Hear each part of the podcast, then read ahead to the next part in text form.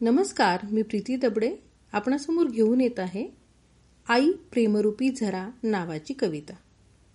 आई प्रेमाचा ओलावा. आई संस्कारांचा ठेवा.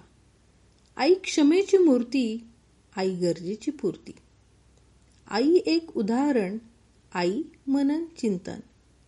आई वात्सल्याचा सागर आई भावनांची झालर. आई स्वप्नपूर्तीचे पर आई सदैव तत्पर.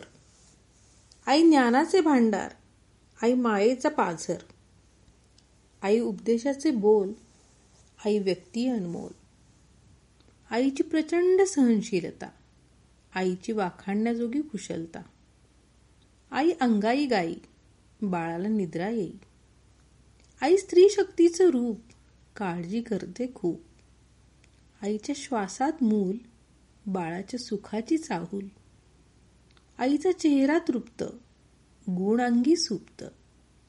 आई जाणी भाव नसे मनी हाव. आई चुकांवरील पांघरून कसे फेडू ऋण